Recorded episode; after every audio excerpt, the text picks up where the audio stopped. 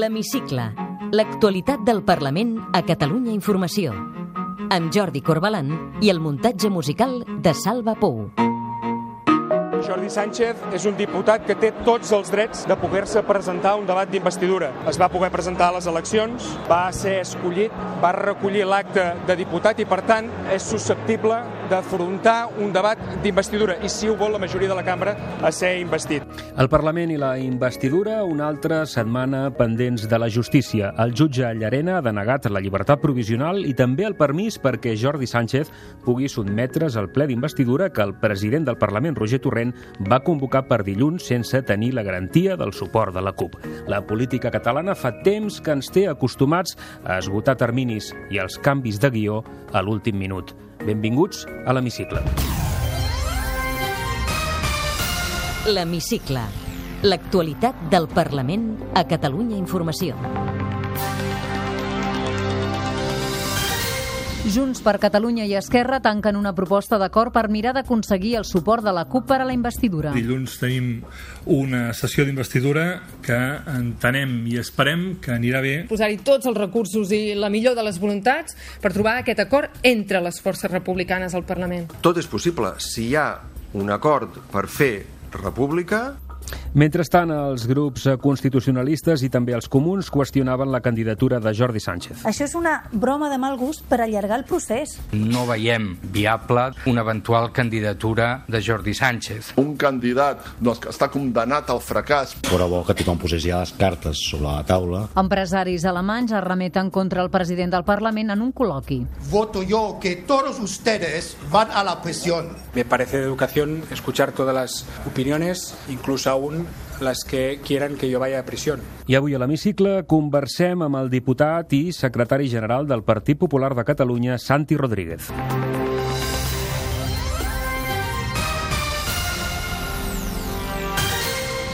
Doncs Jordi Sánchez no podrà anar dilluns al Parlament per sotmetre's al debat d'investidura. El jutge del Suprem, Pablo Llarena, li ha denegat el permís extraordinari la llibertat provisional que havien demanat la seva defensa i el mateix president del Parlament. Ho expliquem amb Carme Montero.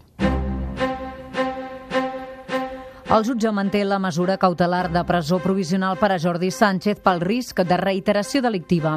En un acte de 26 planes, el Suprem considera intolerable socialment i jurídicament que es pugui assolir la secessió de Catalunya fora de la Constitució.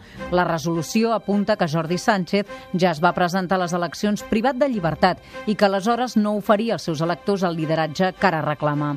La interlocutòria recorda que la candidatura hi ha altres integrants que poden obtenir els mateixos mateixos suports i que no representen el mateix risc.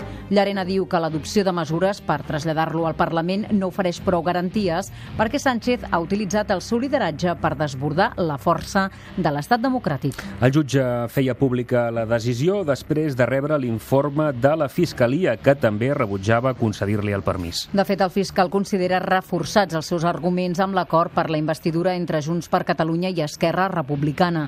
Dimecres, el Tribunal Constitucional ja va rebutjar deixar en llibertat Jordi Sánchez.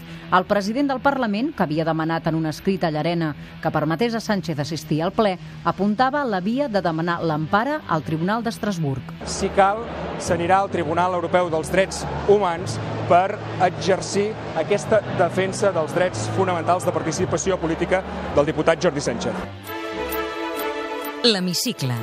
El Parlament a Catalunya Informació. Precisament la setmana arrencava amb la roda de contactes que va fer dilluns el president del Parlament amb els representants dels grups parlamentaris i que va concloure amb la proposta de Jordi Sánchez com a candidat a la investidura. Roger Torrent va fer la proposta després de constatar que el diputat de Junts per Catalunya empresonat a Soto del Real era l'únic candidat i el que té més suports, encara que no els suficients. La CUP va advertir Torrent que s'havia precipitat convocant el ple per dilluns que ve.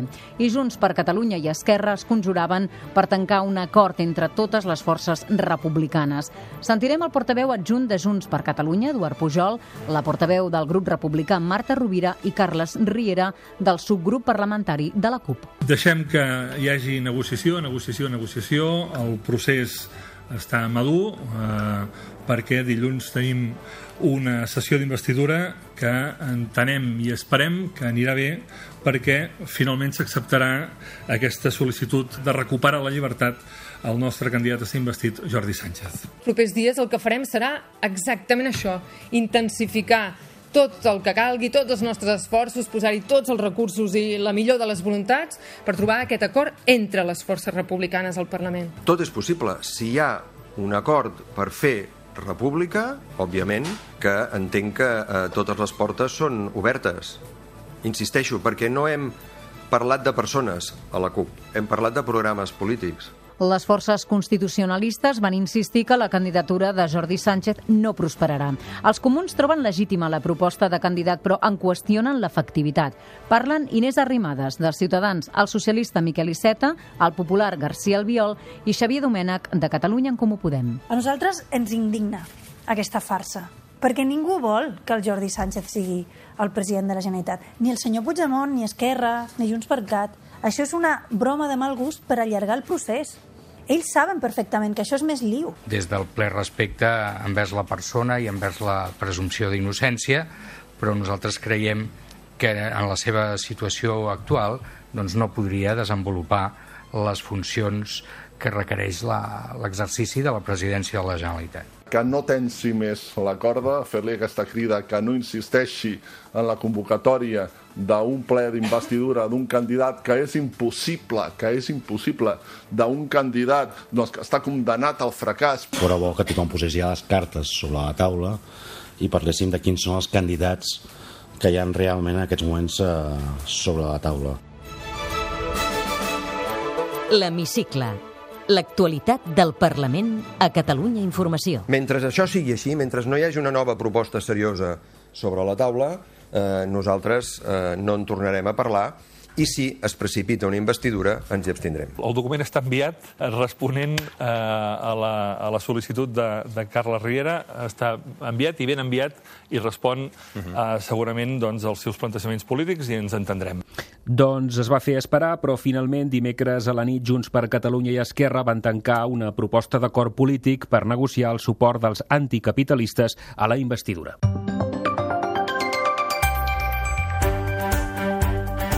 La proposta planteja culminar la legislatura amb l'aprovació d'un text base per a una futura Constitució de la República Catalana i que els eixos bàsics eh, s'hagin pogut debatre amb la ciutadania i refrendar a través d'una multiconsulta. Segons la proposta, es preveu obrir un debat ciutadà ampli que es treballarà conjuntament amb el Consell de la República des de Brussel·les i amb l'Assemblea de Representants. I en aquesta primera fase preveuen un gran pacte nacional constituent per sumar adhesions polítiques i socials per obrir debats territorials i sectorials. Pel que fa als compromisos de govern, què diu el document? Doncs diu que aquesta proposta d'acord preveu restablir i reforçar la xarxa de delegacions del govern a l'exterior, el control públic i la sobirania de les infraestructures estratègiques i la no renovació dels concerts als centres educatius que segreguen l'alumnat per sexe. També recull la creació d'una comissió mixta Parlament-Govern per avançar en la creació d'una banca pública i el compromís genèric de reduir la pressió fiscal a les rendes més baixes. Coincidint amb les negociacions eh, per la investidura, el diputat d'Esquerra al Congrés, eh, Joan Tardà, reobria un vell debat, tornant a oferir al PSC i als comuns ponts d'entesa. Els al·ludits van celebrar les paraules de Joan Tardà, però el socialista Miquel Iceta i Xavier Domènech, de Catalunya en Comú Podem, creuen que els republicans han de decidir en qui volen teixir aliances. Esquerra Republicana amb això també ha de decidir si el seu és el camí de la República de Brussel·les o el camí de la realitat de Catalunya. En funció de quina sigui la tria, de quina opció es prengui en aquesta disjuntiva, eh, les col·laboracions són possibles o no ho són. Hi ha una certa contradicció entre eh, l'opció que s'ha pres en relació als aliats per conformar govern a Catalunya i aquesta proposta que fa Joan Tardà. Des d'Esquerra, Marta Rovira deixa clar que els republicans sempre han volgut estendre ponts. És juncarisme pur i Esquerra Republicana ens van presentar en aquestes eleccions amb aquesta clara vocació de tenir un perfil propi que abonés i que invertís en el diàleg, el parlar amb tothom. La portaveu parlamentària de Junts per Catalunya, Elsa Artadi, vol parlar amb els socialistes, però recela de Miquel Iceta. Jo crec que s'ha de parlar amb els votants socialistes. No ho comparteixo, que amb qui s'ha de fer ponts sigui amb Miquel Iceta, que és còmplice del 155, i el copaire Carles Riera creu que no hi pot haver entesa amb els que pretenen recuperar la via autonomista. Que fan Joan Tardà, que fan Marta Pascal, intentant rescatar l'autonomia de la papera de la història a la qual el Polpa ja l'ha enviat.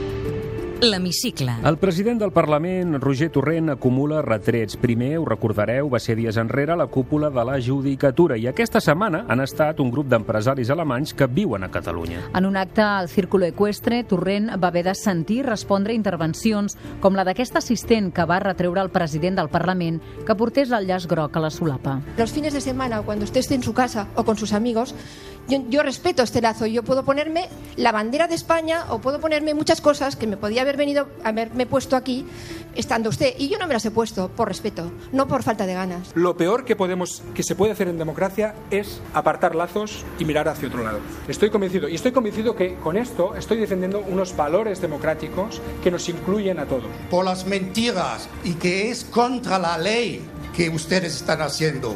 Voto yo que todos ustedes van a la prisión. He escuchado todas las opiniones y me parece de educación escuchar todas las opiniones, incluso aún las que quieran que yo vaya a prisión. Obviamente que respeto todas las opiniones. De hecho, soy el presidente del Parlamento de Cataluña y esto incluye las 135 voces que están representadas en la Cámara. Completem la crònica parlamentària de la setmana explicant-vos que l'alcaldessa de Badalona i l'alcalde de Sabadell han portat al Parlament una proposta perquè el futur govern creï una nova conselleria d'habitatge que afronti, diuen, el dret a una vivenda digna. Diuen que des dels ajuntaments ja no poden fer res més. Dolors Sabater i Matías Serracant han exposat al president del Parlament la falta de recursos i d'eines de les ciutats per afrontar l'emergència habitacional. Aprovant una llei que permeti qualificar el sol pel lloguer indefinit, aprovant les noves línies de finançament per la promoció d'habitatge públic a Catalunya i aprovant una llei d'arrendament urbana a Catalunya. Emplacem avui els diputats i diputades del Parlament a que estiguin a l'alçada de les necessitats i confiem que l'Estat no impedirà que aquest Parlament estigui a l'alçada de les dificultats que estem vivint els alcaldes i alcaldesses de Catalunya. La mesa del Parlament no va admetre a tràmit dimarts per problemes de forma una proposta de Ciutadans per crear una comissió d'investigació sobre el suposat espionatge dels Mossos a dirigents polítics contraris al procés. La mesa va prendre aquesta decisió perquè la proposta no anava acompanyada d'un pla de treball de la comissió, tal com marca el reglament reformat de la cambra.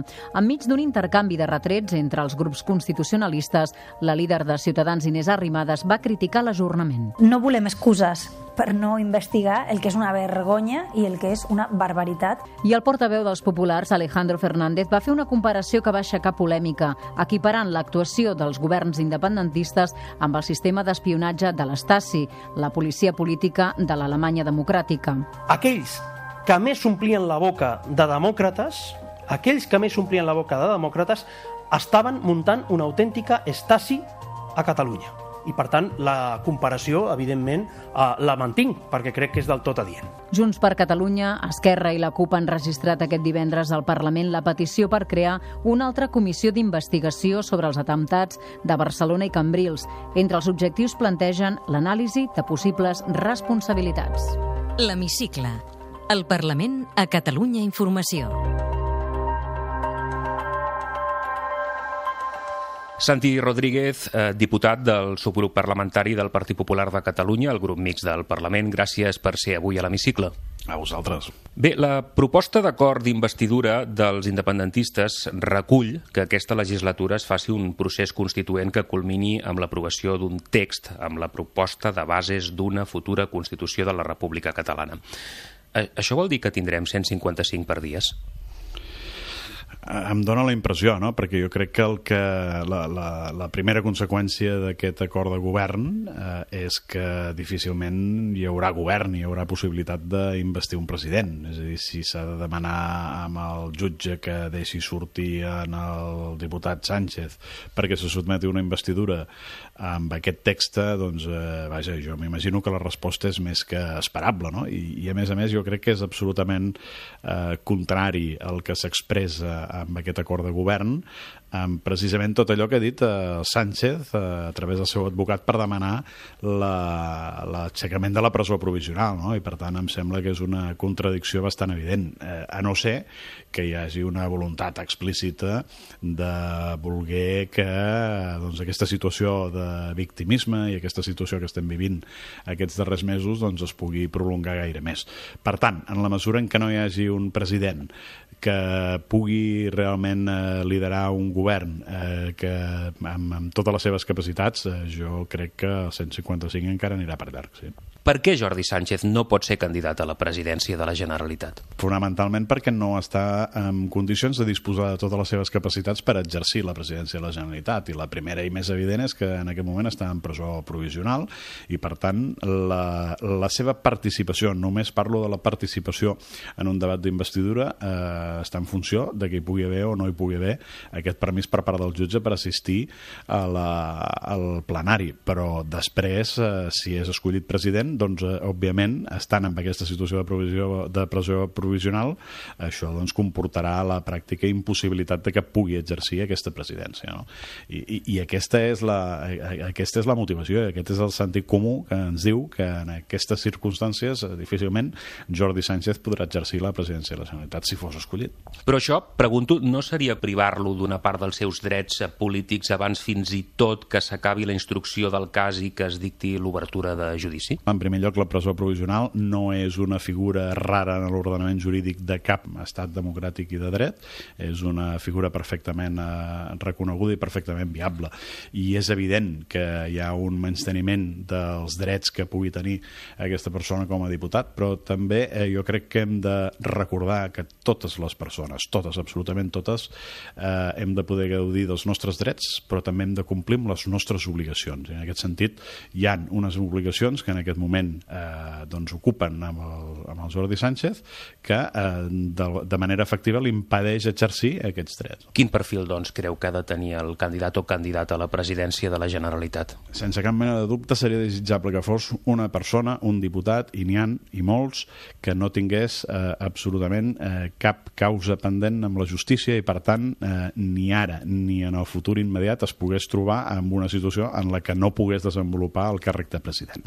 Ara, és obvi que aquelles persones que en aquests moments estan privades de llibertat per un costat o les que estan fugides per un altre costat eh, no poden sotmetre's a una investidura efectiva i de manera immediata tindran dificultats per exercir la presidència de la Generalitat, d'aquelles altres persones que estan immerses en processos judicials estan en una situació de eh, llibertat eh, sota fiança i per tant eh, tenen un futur eh, que ja veurem quin és, però d'entrada de moment no hi haurien, eh, crec jo, gaires impediments perquè poguessin ser escollits, però el desitjable seria que fos una persona que no tingués absolutament cap deute amb la justícia. Puigdemont ha de renunciar a l'acte de diputat? És una cosa doncs, que li afecta a ell, li afecta al seu grup parlamentari i per tant que faci el que estimi convenient. Òbviament, si pretén mantenir l'acte de diputat eh, sense venir al Parlament, jo crec que tard o d'hora eh, s'haurà de prendre una determinació en relació a l'incompliment dels seus deures, perquè també té de deures com a diputat al Parlament. Qui creu que ha d'acabar posant en marxa el rellotge, el famós rellotge dels dos mesos perquè hi hagi eh, president investit o bé automàticament eh, es tornin a convocar eleccions? Perquè van passant les setmanes i sembla que ningú gosi o pugui posar-lo en marxa. Bueno, doncs miri, jo crec que sincerament el rellotge està en marxa. Eh, és a dir, eh, tenint, donant per bo eh, a l'informe dels lletrats del Parlament, en els quals ells podien admetre que el rellotge estava aturat perquè hi havia un ple aplaçat eh, o suspès momentàniament, que era el d'investidura de Puigdemont, en el moment en què Puigdemont li comuniquen al president del Parlament que ell renuncia en aquesta investidura. I, per tant, això es materialitza amb la proposta d'una nova investidura, crec que s'ha d'interpretar de forma implícita que aquesta investidura ha estat fallida i per tant com a investidura fallida d'acord amb el criteri dels lletrats del Parlament eh, jo estic convençut que els terminis han començat a comptar. Però això qui ho ha d'acabar interpretant? Jo estic, eh, al final eh, qui té la capacitat de dissoldre el Parlament i convocar unes noves eleccions és el president del govern de la Generalitat en funcions, que és Mariano Rajoy en aquest moment. La pugna amb, amb Ciutadans està entrebancant la unitat d'acció i, per tant, la fortalesa de les forces constitucionalistes? No ho crec. Jo crec que hi ha una, un objectiu eh, superior compartit, eh, per, compartit amb Ciutadans, que és el de, d'alguna manera, aturar eh, aquesta, aquesta situació que hem viscut a Catalunya i jo crec que això està per damunt de que les eh, relacions puguin ser millors o pitjors i que l'enteniment eh, pugui ser millor o pitjor. Comparteix les paraules del seu company de files Alejandro Fernández en el sentit que el suposat espionatge per part dels Mossos, suposadament ordenat per governs independentistes a polítics no independentistes, es podria equiparar a les pràctiques de l'Estasi? jo no sóc un expert en les pràctiques de l'Estasi ni ganes, però sí que és cert que tot, tot això que estem coneixent ara a través d'aquests documents que no oblidem eh, s'anaven a incinerar amb un equipament i que es va poder evitar la seva incineració i per tant s'ha conegut totes aquestes pràctiques em sembla que són molt poc democràtiques. Jo no sé si són de l'Estasi o no, i li dic que jo desconec quines eren les pràctiques de l'Estasi, però sí que em dóna la impressió de que tenen absolutament molt poc de democràtics i bastant d'inquisitorials. Aquests dies s'està debatent al Parlament doncs, la proposta de crear una comissió d'investigació sobre aquest tema. Com veuria també que al Parlament hi hagués una comissió d'investigació sobre els atemptats de Barcelona i Cambrils. Nosaltres tampoc no tindríem cap inconvenient. De fet, en algun moment ja s'havia parlat d'aquesta situació, no? Eh, I jo crec que a mesura que va passant el temps i que també es van coneixent eh, informacions, eh, doncs, eh, doncs segurament també tindria sentit que hi hagués una comissió d'investigació sobre, sobre aquests atemptats, no? Però jo crec que el que està en aquest moment en el, en el punt de mira ja no és tant el tema dels atemptats, que, insisteixo, és possible que també sigui interessant tenir una comissió d'aquestes aquestes característiques, sinó el tema d'aquestes activitats eh, de, del tot punt de vista il·lícites que havien dut a terme agents dels Mossos. No vull eh, englobar a tot el cos dels Mossos d'Esquadra perquè em consta que hi ha molta gent que no comparteix aquestes pràctiques, però que sí que alguns agents durien, eh, van dur a terme, a més emparats en direccions, en direcció política. Vostè és el secretari general del Partit Popular a Catalunya. Eh, ja han fet autocrítica pels resultats del 21 de desembre que els han deixat en quatre diputats al Parlament. Com pensen encara el futur? Soc secretari general del Partit Popular de Catalunya, que és un matís eh, important, no? Sí, evidentment hem fet, eh, hem fet autocrítica, hem fet un exercici eh, pràcticament eh, durant tot el mes de gener.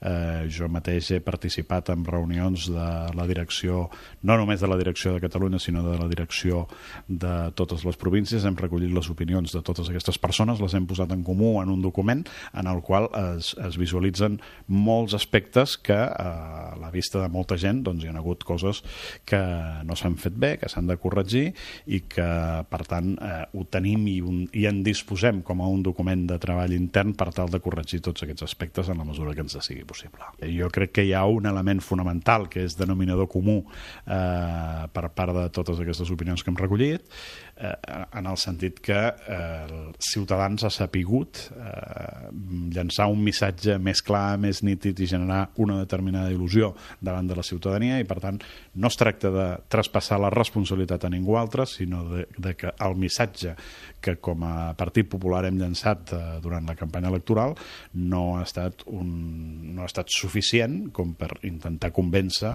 en els electors de que la millor opció era la del Partit Popular. Santi Rodríguez, diputat del subgrup parlamentari del Partit Popular de Catalunya, gràcies per acompanyar-nos a l'hemicicle. Gràcies a vosaltres.